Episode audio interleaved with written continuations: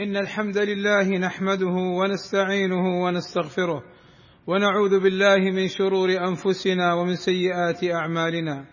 من يهده الله فلا مضل له ومن يضلل فلا هادي له.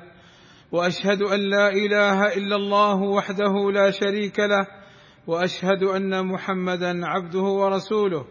يا أيها الذين آمنوا اتقوا الله حق تقاته. ولا تموتن إلا وأنتم مسلمون. ألا وإن أصدق الكلام كلام الله وخير الهدى هدى محمد صلى الله عليه وسلم وشر الأمور محدثاتها وكل محدثة بدعة وكل بدعة ضلالة وكل ضلالة في النار. أما بعد فإن العلم الشرعي له أهميته ومكانته لذا رفع الله أهل العلم درجات. قال تعالى يرفع الله الذين آمنوا منكم والذين أوتوا العلم درجات والعلم الشرعي طريق إلى الجنة. قال صلى الله عليه وسلم من سلك طريقا يلتمس فيه علما سهل الله له به طريقا إلى الجنة. والمسلم مأمور بطلب العلم وسؤال العلماء. قال تعالى فاسألوا أهل الذكر أي أهل العلم فاسألوا أهل الذكر إن كنتم لا تعلمون.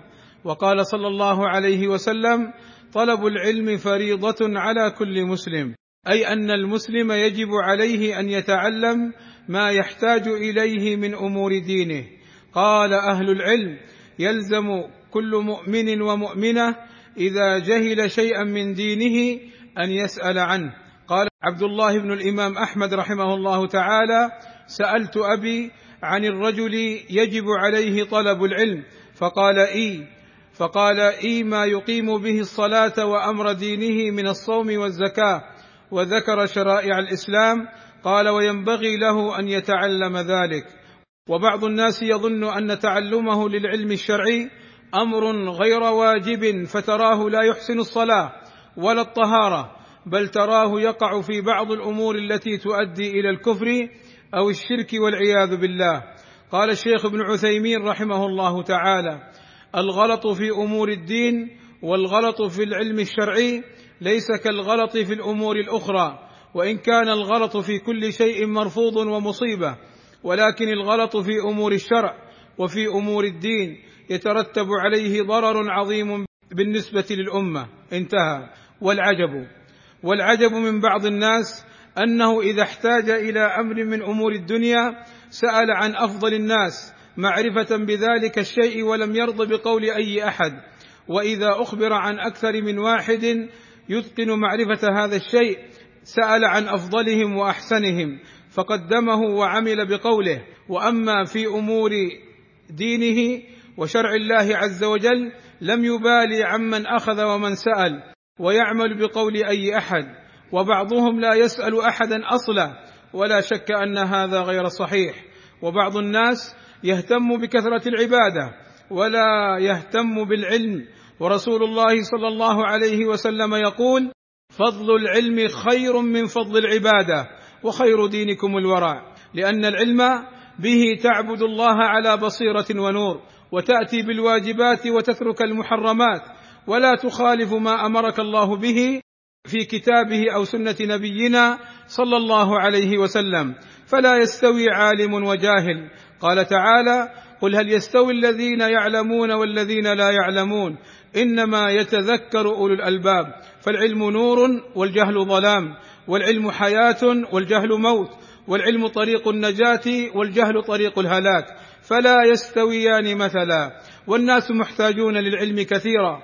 قال الإمام أحمد رحمه الله تعالى الناس أحوج إلى العلم منهم للطعام والشراب لأن الطعام والشراب يحتاج إليه في اليوم مرتين أو ثلاثة والعلم يحتاج إليه في كل وقت.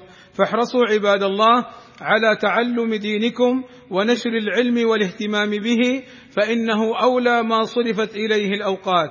والله أسأل لي ولكم التوفيق والسداد وأن يغفر لنا الذنوب والآثام والزلات إنه سميع قريب مجيب الدعوات. الحمد لله رب العالمين والصلاة والسلام على المبعوث رحمة للعالمين وعلى آله وصحبه أجمعين. عباد الله في الأسبوع المقبل إن شاء الله تعالى سيعود أبناؤنا وبناتنا في المرحلة الابتدائية ونحوها للدراسة حضوريا بعد توفير ولاة أمرنا سبل الصحة والسلامة والاطمئنان بإذن الله تعالى مع التنبيه والتأكيد على أهمية الأخذ بالاحترازات والاحتياطات من جائحة كورونا من لبس الكمامة واستمرار التباعد ومراجعة العيادة عند الحاجة. وهذا إن دل فإنما يدل على حرص قيادتنا الرشيدة على شعبها ومواطنيها صغيرهم وكبيرهم.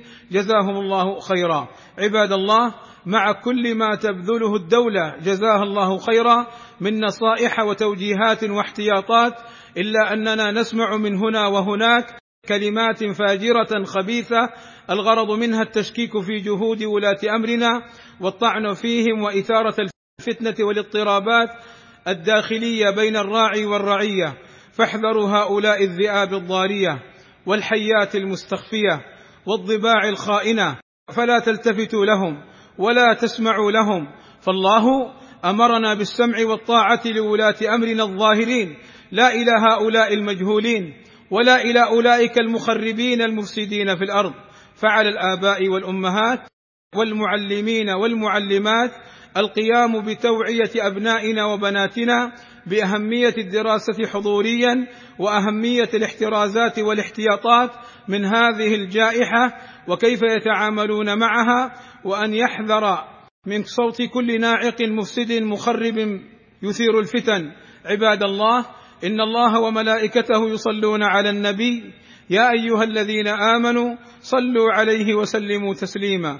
اللهم صل على محمد وأزواجه وذريته كما صليت على آل إبراهيم وبارك على محمد وأزواجه وذريته كما باركت على آل إبراهيم إنك حميد مجيد. وارض اللهم عن الخلفاء الراشدين أبي بكر وعمر وعثمان وعلي وعن جميع أصحاب النبي صلى الله عليه وسلم. اللهم آتنا في الدنيا حسنة وفي الآخرة حسنة وقنا عذاب النار. اللهم وفقنا للعلم النافع والعمل الصالح واتباع سنة نبينا محمد صلى الله عليه وسلم. اللهم اغفر للمسلمين والمسلمات والمؤمنين والمؤمنات الأحياء منهم والأموات اللهم وفق ولي أمرنا الملك سلمان بن عبد العزيز لما تحبه وترضاه وأصلح اللهم به البلاد والعباد واحفظه اللهم من كل سوء ووفق ولي عهده الأمير محمد بن سلمان إلى كل خير واحفظه اللهم من كل سوء اللهم أيدهما بتأييدك ووفقهما بتوفيقك وأعز بهما الإسلام والمسلمين وصلى الله وسلم على نبينا محمد وعلى آله وصحبه أجمعين. والحمد لله رب العالمين